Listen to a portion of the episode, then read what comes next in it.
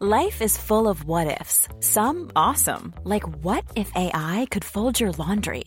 And some, well, less awesome, like what if you have unexpected medical costs? United Healthcare can help get you covered with Health Protector Guard fixed indemnity insurance plans. They supplement your primary plan to help you manage out of pocket costs. No deductibles, no enrollment periods, and especially no more what ifs. Visit uh1.com to find the Health Protector Guard plan for you. It's that time of the year. Your vacation is coming up.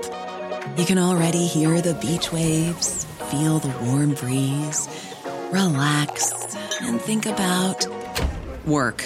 You really, really want it all to work out while you're away. Monday.com gives you and the team that peace of mind. When all work is on one platform and everyone's in sync, things just flow wherever you are. Tap the banner to go to Monday.com.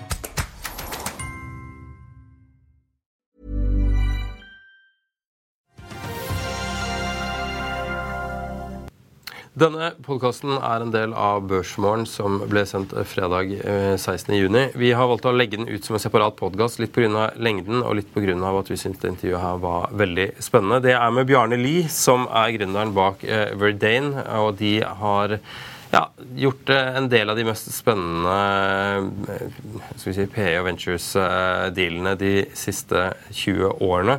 Så det er bare å sette seg tilbake og lære, og så er vi rett tilbake rett etter dette. Da er vi inne her med Bjarne Lie fra Verdane. Velkommen til oss. Takk skal du ha. Du, Hva er det du eh, driver med? Altså, De som vet hvem du er, de vet hvem du er. Men for eh, alle de andre, kan ikke du fortelle litt om eh, hva Verdane er for noe? Jo, Verdane har eh, et kall det kompass. eh, og Det er å være den prefererte vekstpartneren til ambisiøse bedrifter i Nord-Europa. Um, og det, Den prefererte aksen innebærer mange forskjellige ting, men veldig mye av det vi gjør, handler om hvordan kan vi hjelpe selskaper best mulig å få ut sitt underliggende potensial. Uh, vi holdt på i 20 år. I dag er vi 105, vi startet i Norge. Uh, nå er vi 135 mennesker i sju kontorer på tvers av seks land. Så vi dekker egentlig hele det vi kaller øldrikken Europa. Uh, har ca. 100 investorer som uh, vi forvalter ca. 50 milliarder kroner nå uh, på vegne av dem. alt vi gjør, er langsiktig, unotert. investerer vel, altså De siste tolv måneder har vi investert 6-7 milliarder i nye ting. solgt sendt tilbake litt over 20 de siste par årene. så det har vært liksom en spennende periode for oss. og Det vi ser etter, er egentlig fundamentalt sett nye markeder som er skapt av teknologiske endringer.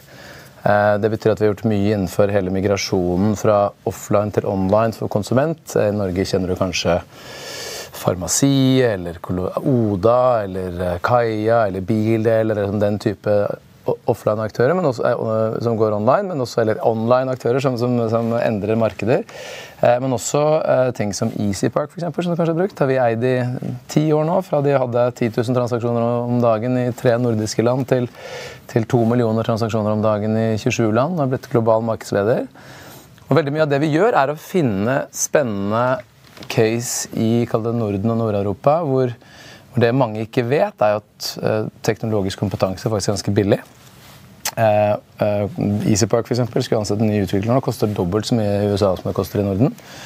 men så er, er lavere utdannet arbeidskraft egentlig ganske dyrt. og Det betyr at du, ganske, du kan bygge ganske spennende teknologi Um, relativt sett billigere med bedre kompetent arbeidskraft. Og du kan bruke den teknologien til å skape ganske store effektivitetsgevinster i virksomheten din. Så derfor har og Når du da legger på liksom en, en, offentlig sektor som er villig til å investere ganske tungt i digitalisering, du har en, en befolkning som jo ligger på toppen i adopsjon av tidlige ting eh, teknologisk, så har du en spennende laboratorier som vi kan da finne spennende bedrifter og så hjelpe dem å vinne ut i verden. Men altså, eh, det er forskjell på Gudbrandsdalen og Silicon Valley. Får du en like god eh, programmerer i Norge som du får eh, i USA når du betaler halve prisen? Ja. Ja, Det er du sikker på? Ja. ja. Hvorfor det? Nei, altså, Nå er dette veldig liksom, broad stroke, selvfølgelig. Men, jo, jo. Men, men, det er klart at det er, det er, noe med at skal du være en god utvikler og god teknolog, så handler det noe om å både også tørre å kunne tenke selvstendig. og og så får du ofte litt mer lojal arbeidskraft her. ikke sant? Hele Silicon Valley er jo litt sånn hoppe rundt-kultur. Eh, mens i Norge får du tak i flinke teknologer, så, så, kan du ofte beholde dem lengre. Og teknologer er også som andre folk flest. at det er en onboarding-kurve og lærekurve og sånn. Og så jobber jo mange nå effektivt med nearshoring og uh, offshoring. Når vi, når Russland invaderte Ukraina, så fant vi eksempel ut at uh, det var vel over 20 av våre selskaper som hadde utviklerteam i Ukraina. Eh, Så det ofte blir sånn kom kombinasjonen av, av, av lokal spisskompetanse og liksom at du har fylle på rundt. Mens de amerikanske selskapene, særlig de som er sånn veldig veldig tungt kapitalisert innenfor B2B, for eksempel, de hiver veldig mye folk på det. eh, hiver eh, gjerne større utviklerteam også i lavkostland. Og da får du ofte en sånn en, en, en, feature creep og en sånn en clunky, stor litt sånn som SAP på 80-tallet type software, mens de nordiske aktørene ofte klarer å starte i større grad med kundeopplevelsen og hele liksom strømlinjeformede, enkle løsninger. Vi snakket vi tidligere for, for, for eksempel om vår, vår siste investering. Vi kan kanskje ta den som et eksempel på det etterpå. men Ja, hva er det for noe? Nei, Det er et selskap som, som eh, vi, vi leter etter strukturelle vekstmarkeder. Markeder som, som ikke påvirkes nevneverdig av sykler. Så, så Vi har holdt på i 20 år, og snittselskapet vårt har vokst 20% per år organisk gjennom vår holdeperiode. Det er veldig gøy å se at selv i et år som i fjor, hvor ting var litt sånn rufsete, så, så vokste jo snittselskapet vårt med 23 I første kvartal så akkurat på tallene vokste de med ca. akkurat 20 som for meg gir en viss tillit til at mine fantastiske kolleger har greid å finne spennende selskaper. Dette selskapet er konkret. Um, KYC AML, altså kjenn kunden din, uh, anti-hvitvasking, tror vi er et strukturelt vekstmarked. Etter hvert som verden blir mer og mer kompleks, geopolitikken blir viktigere og viktigere, tror vi det der bare kommer til å fortsette å øke på. Og vi kjenner jo det som danske bankproblemene og sånn. I dag så hiver man folk på det. Um, og du bruker eh, Excel, eh, som ble oppfunnet i 1985.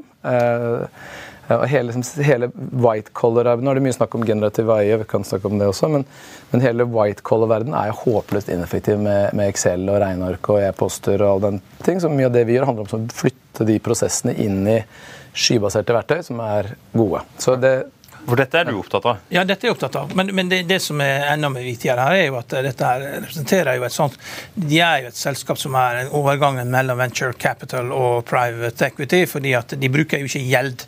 Og det de fleste andre det snakker du om nå, ikke sant? Gjeld, ja, den, ja. Yeah. ja. Og de fleste private equity-selskaper bruker mye gjeld i forretningsmodellen sin, girer opp og effektiviserer.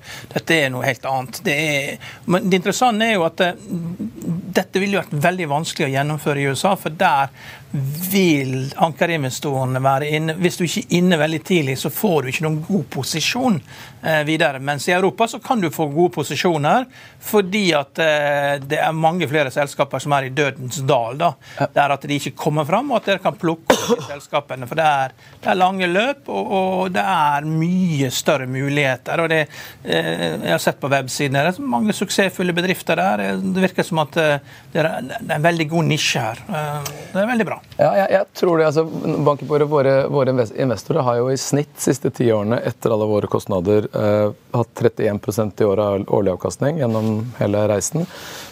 Eh, og Det er jo en organisk vekst som ligger til bunn i det. Vi bruker noe gjeld. Jeg tror selskapene våre i snitt i dette, de, det fondet vårt som gjør de større investeringene, i snitt har litt over én gang EBD av gjeld. Men det er jo ikke helt de nivåene man, man har i andre steder. men ja, og jeg tror at Det er ganske spennende å se forskjellen på USA og Europa på mange måter. En ting er at Det er jo faktisk flere utviklere i Europa enn det er i USA. Det er fem millioner utviklere omtrent i Europa. fem og en halv million. Um, og uh, jeg mener at de områdene vi opererer, er minst like innovative, men kapitaltilgjengeligheten er jo en helt annen. Det er kanskje fem til ti ganger mer kapital tilgjengelig i USA for den type ting vi gjør. Um, og så er USA som du sier, en annen kultur ved at det ofte er mange investorer inne. liksom sånn Klubber som bygger seg opp over tid. og Ganske annen dynamikk. Mens, mens veldig mange av de tingene vi gjør, er jo å, å partner direkte med gründerne, som har bygget virksomheten til et visst nivå. Som dette vi snakket om, som, som løser hele KYC-EML-problemet. De har jo bygget opp den virksomheten selv over en fem-seks år, og så uh, bygges den på sten. Og nå trenger de en partner til virkelig å akselerere ut i verden og hjelpe dem å kjøpe mindre konkurrenter og bygge som en virkelig europeisk leder. Som sier, vi, jo, vi, er, vi er på en måte ikke den der venture unicorn chasing-verden, uh, men vi er heller ikke den sånn seks ganger gjeld, uh, konsolidere, optimere verden. Vi er i denne lange linjene, historikerlinja. Ja. Men hva, altså, Når dere går ut og ser etter en uh, ny investering, kommer de til dere, eller går dere til dem? eller leter dere, eller, altså, hvordan, hvordan finner dere den neste casen dere går for? Det er, det er en miks av alt, egentlig. Vi har et rykte etter hvert, og merkevare som jeg opplever er ganske bra. Og så har vi en ganske um, unik uh, Vi er 130 mennesker. Vi sitter i litt over 80 styrer. Vi har uh, solgt uh, 40 selskaper de siste tre årene, så vi traff ganske bra på, på makroen i forhold til når vi valgte å søke likviditet for investorene våre. Så det er liksom ganske mange hundre mennesker. Og så har vi jo har vi jo, eh, gjennomfører vi 4340 møter de siste tolv månedene for presise for å gå ut og finne ting. Eh, og så har vi et av verdiforslagene våre, i tillegg til data, og at vi har Europas eneste det vi kaller inhouse tech ops-team med 35 mennesker som bare hjelper selskapene å vokse, som har gjort det før. Eh, så har vi også, mobiliserer vi økosystemet vårt. sånn at vi har siste tolv månedene har vi hatt 43 events hvor vi mobiliserer ikke bare daglig lederne og CFO-en, de får kjærlighet, men men vi har en, en cybersecurity community, vi har en talent community, vi har en digital marketing community, vi har en, liksom en rekke forskjellige VP Engineering. Vi, vi bringer, nå har vi brakt over 2000 mennesker sammen de siste tolv månedene på tvers av porteføljen. og bygger, Er du seks eh, SAS-selskaper som skal prøve å selge til, eh, til um, CFO-kontoret i tyskspråklige regioner, så har du antagelig vel så mye å lære av hverandre som du kan lære av oss. Så Vi prøver liksom å låse opp kraften i det økosystemet. Og da, Summen av alt det jo at vi ser jo det meste som rører seg, tror jeg. Mm. Men ok, La oss si at jeg er da gründer. Jeg har holdt på med ja. teamet mitt noen år. Nå er vi der hvor vi er klar for en partner. Men uh, hva er det du Altså, Hva er det som gjør at du blir Oi, shit, dette har jeg lyst til å vite mer om. Og hva er det som er en, klassisk sånn Det her skal ikke vi ta i, dette styrer vi langt unna. Uh, nei, for det første må du nå en viss modenhet. Vi er ikke en teknologiinvestor på den måten. Vi, vi, føler ikke at vi er i stand til å vurdere godheten i en, en, en teknologiplattform.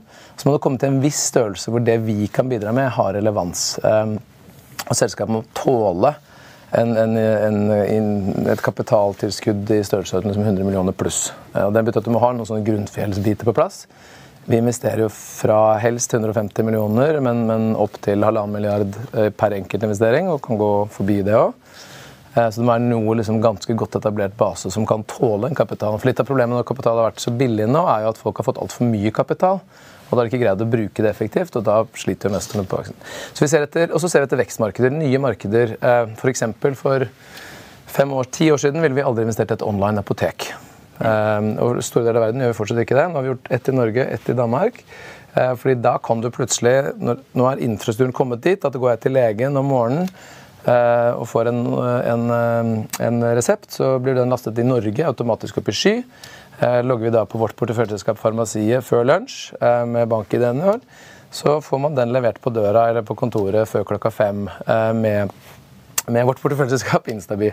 Og da, da, får du plutselig da, Det er ikke et teknologiselskap som sådan som er det viktigste, men det er at hele verden rundt har endret seg. sånn at der hvor nå 1 eller 2% av alle medisinsalg skjer på nett, så tror vi at om 5-10 år så er det kanskje 10, kanskje 20 Da er det et enormt vekstmarked som åpner seg opp fordi teknologien har kommet til et punkt eh, som er spennende. Og så må vi se på markedet, og så må vi se på, vi gjorde ganske mye ting i Sol for 10-15 år siden. Det gikk ikke så bra.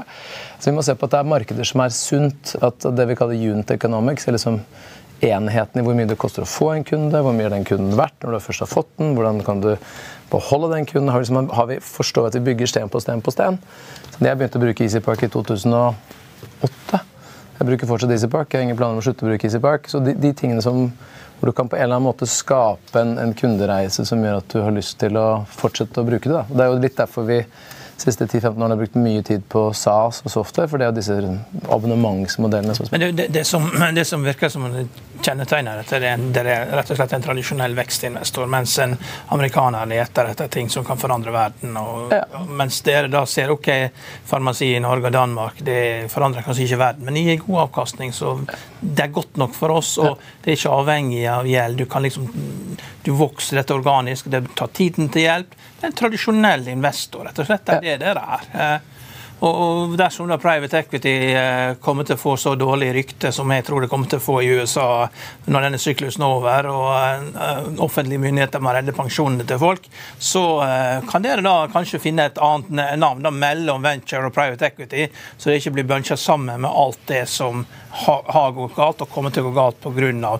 de enorme økningene i rentene som nå kommer til å slå dem, kommer til å treffe dem. Ja, og Vi mener jo genuint at vi er en skikkelig kraft for good. Eh, ja, fordi vi, greier, vi, bidrar til å skape liksom, bærekraftig næringsliv og jobber. Vi skapte jo 2000 jobber i vår portefølje i fjor, som ellers var et litt vanskelig år.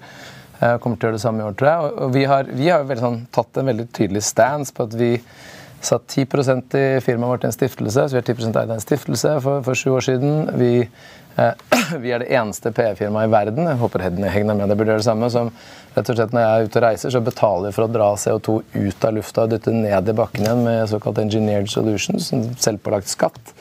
Eh, vi, eh, ikke, vi, investerer ikke i en bedrift som ikke vi tror er bærekraftig i en mer balansert økonomi. Så vi stresstester, vi kaller det 2040-testen. så hvis ikke den bedriften lykkes når karbon koster 150 euro tonnet, regler for andre eksternaliteter har endret seg, konsumentene endrer preferanser, så investerer vi ikke. Og så prøver vi alltid å selge noe som er mer bærekraftig enn vi kjøper.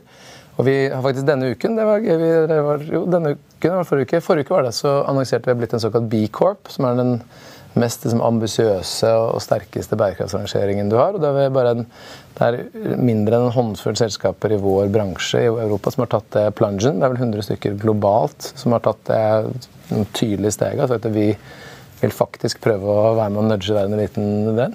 Og vi har med oss da både norske, svenske, danske, finske og Europakommisjonens investeringsfond. Så noen mener i hvert fall det vi ja. gjør, eh, gir mening. Jo, det er kjempebra. Men er det sånn at det er Europa, det europeiske selskapet dere går etter? Eh, ja. ja, ja. For Silicon Valley Bank, når den går konkurs, så, så oppstår jo det problemet problemer med funding for mange selskaper der borte. Du får det du kaller riderless horses. Det er mange selskaper som man ikke helt vet hvordan Så der, der vil jo det ligge veldig mange muligheter for selskaper. Noen av de kommer bare til å ri i døden.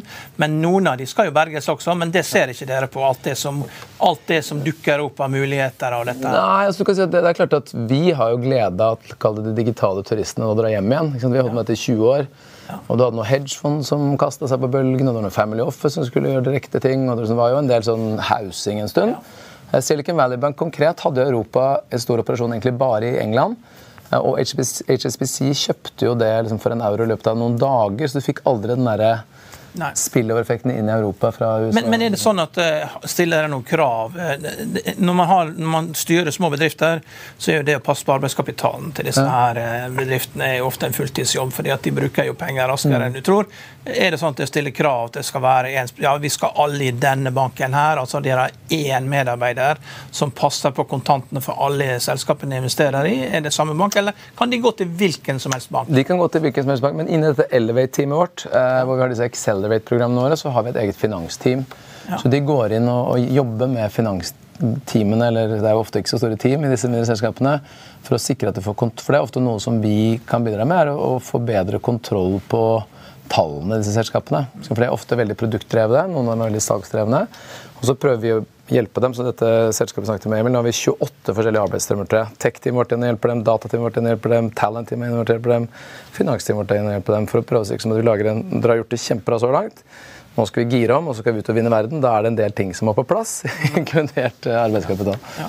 Du, eh, vi går jo som du sier, fra en tid hvor penger var i praksis gratis, til at nå begynner penger å bli dyrt. Mm. Eh, hvordan eh, Ser dere noen skift i hvordan dere tenker, eh, eller er dette en del av planen deres uansett? Det er veldig, veldig fascinerende tid nå, synes jeg, i min bransje. For jeg minner meg litt om da vi først begynte å investere sånn etter dotcom-krisen eller etter finanskrisen, hvor du har hatt en verden hvor alle har liksom Jeg skal ikke si bli drunk på egen suksess, men det har liksom vært en sånn verden hvor alt var veldig veldig dyrt. Og så plutselig resatt det private markedet for ganske store deler offentlige markedet, sorry, store deler av offentlige markedet på tech. Jeg vet ikke hva snitt-IPO-en i 20 og 2021 er i Norge, men den er vel ned der nå, 60% eller noe sånt. Eh, og så prøver private markeder å finne ut hva betyr det for oss, Equilibrium. Vi, de fleste av våre transaksjoner skjer jo ikke i en sånn auksjon hvor det er en megler som ringer alle hvem vil by mest. og sånn. Så da er du avhengig av å finne hva er fair. Og vi, vi, sleit jo med det. Vi, vi liksom tulla litt med at hvis du ansatte en banker og skulle prøve å få best mulig betalt for et eh, godt software-selskap i 2021, så var det alltid en eller annen kalkulator som går tom for batteri. Eh, så, så, det var liksom ikke å tenke på engang. Men, eh, men nå opplever vi at det er mulig å gjøre ting på fornuftsnivåer. Noen steder. Andre steder henger man fortsatt litt sånn igjen i, i euforien fra 2021. Og, og, andre, og, noen steder igjen så er det nesten umulig, fordi man har blitt enige om på en eller annen hønseflokkvis ikke gir mening. Så kjempespennende. Vi har investert nå siste siste tolv månedene har vi investert ca. Jeg husker ikke nøyaktig tallet, men 7-8 milliarder er det vel de siste 14 månedene. eller sånn, 15 månedene. Så vi investerer ganske mye, for vi er ikke avhengig av at gjeldsmarkeder er åpne. Er ikke avhengig av den type ting, og vi prøver å holde et noenlunde klart hode gjennom når ting blir for hausa på oppside, og når ting eh, Og heller prøve å betale en fair pris gjennom. Så, Helt til slutt, fordi nå begynner vi å løpe litt opp for tid her, men du er jo historiker. Det er. Eh, Så dette må jo være veldig spennende også fra et sånn historikerperspektiv. Men Kan du fortelle litt om, om bakgrunnen din? For den er jo litt annerledes enn mange andre i Ja, bransjen. jeg er litt sånn jack of all trades. Nei, Jeg har faktisk sittet tolv år i styre og stell på HF-fakultetet. Først på Institutt for historie, og så ble jeg sparka opp, eh, opp etasje til HF, Humanistisk fakultet. Så jeg er historiker og stolt av det. Skal faktisk akkurat nå begynne som styremedlem i Fritt Ord. Jeg er litt opptatt av hva som skjer med den opplyste offentlighet, med sosiale medier og neste generasjon og multinettsister og sånn. Så det er spennende og viktig, tror jeg, at vi i liksom kanselleringskulturdager beholder en, en fri, åpen debatt. Så det, det gleder jeg meg til. Nei, jeg er egentlig historiker. Jeg begynte i Marinen way back, og så studerte jeg juss og historie eh, i Oslo. Og så jobbet jeg for EU-kommisjonen et par år i Firenze og skrev om Englands veien til EU. og så ble med en utrolig morsom startup-reise, delvis faktisk fra Norge, eh, men jeg gjorde det i London, eh, som brakte vestlig kapitalteknologi til Sovjetunionen. Eh, For de sluttet jo å investere i sånn nære, nære Vest-Europa når de fant Sibir. Så jeg endte med å jobbe der i Øst-Ukraina for dem. Jeg fant at det var jo kanskje det var spennende, men jeg hadde ikke lyst til å bli noe eh, Ukraina-ekspert eller, eller olje, oilfield guy som historiker, og heller ikke så veldig troverdig. Det Kunne vært gode tider, det nå. Så jeg tok en MBA i USA, og så jobbet jeg McKinsey i London en stund. Og så var jeg gründer sammen med en eh, nederlandsvenn meg i London og reiste et par hundre millioner kroner til ja, Det var den gang største Series A-en i Europa på et tech-selskap. software. Eh, Og så var det veldig spennende på opp, ikke fullt så spennende på vei ned. Og så kom jeg hjem og ble med et litt norsk eh, ikke litt, men et norsk ledende venturemiljø som het Forces Adventure. Venture. Så spant vi ut av det i 2003 og startet Brain. Så litt sånn, og jeg tror de, der, de lange trendtingene kommer nok litt fra de der lange, slitsomme dagene i arkivet hvor som en god dag gikk du gjennom en meter med papir. Da føltes det som at en good day in the office. Så min jobb handler også mye om det, eller vår jobb handler om slags, Vi er en slags futurologer. da. Hvordan er egentlig verden i ferd med å endre seg? Nå er jo vi skal vinne innenfor digitalisering og dekarbonisering. For, for åtte år siden så at, at fossil fuels og liksom olje og gass det har vært viktig og spennende for oss. og Der må, må vi skal holde på med det lenge, men det er ikke et strukturelt, strukturelt vekstmarked på samme måte lenger. Så skal du få 20, 20 i året i organisk vekst i 5-6-7-8 år, så er det antagelig ikke der vi skal være. Så vi prøver liksom å Du har ikke vurdert å hoppe av for å skrive om Englands vei ut av EU-en? Det var fascinerende å følge, altså, for det er akkurat samme argumentasjonen, bare andre veien. Ja. De forlot jo eh, euro to ganger i løpet av tre dager. Så De ble også slått ut av EM i fotball i, av Island to dager etter de gikk ut av at de stemte seg ut. Jeg, jeg, var, jeg, var i, jeg var i London og de sa nei til EU. Det var en ganske deprimerende dag. Altså. Men, jeg, men jeg, var, jeg var eneste nordmann på EU-instituttet i Firenze uh, da Norge sa nei til EU. Det er også fascinerende. Det var mennesker som ikke snakket med på månedsvis, for det, var liksom, det hadde jo tatt religionens plass for noen folk. Um, skal være for Europa, mot Europa, men i hvert fall eh, mye lidenskap. Ja. Vi skal definitivt eh, snakke sammen igjen, eh, men nå er vi tom for tid. Du, Bjørnli, tusen takk for at du kom i studio her til oss. Økonominyhetene er en podkast fra Finansavisen. Programledere er Marius Lorentzen, Stein Ove Haugen og Benedikte Storm Bamvik. Produsenter er Lars Brenden Skram og Bashar Johar. Og ansvarlig redaktør er Trygve Hegnar.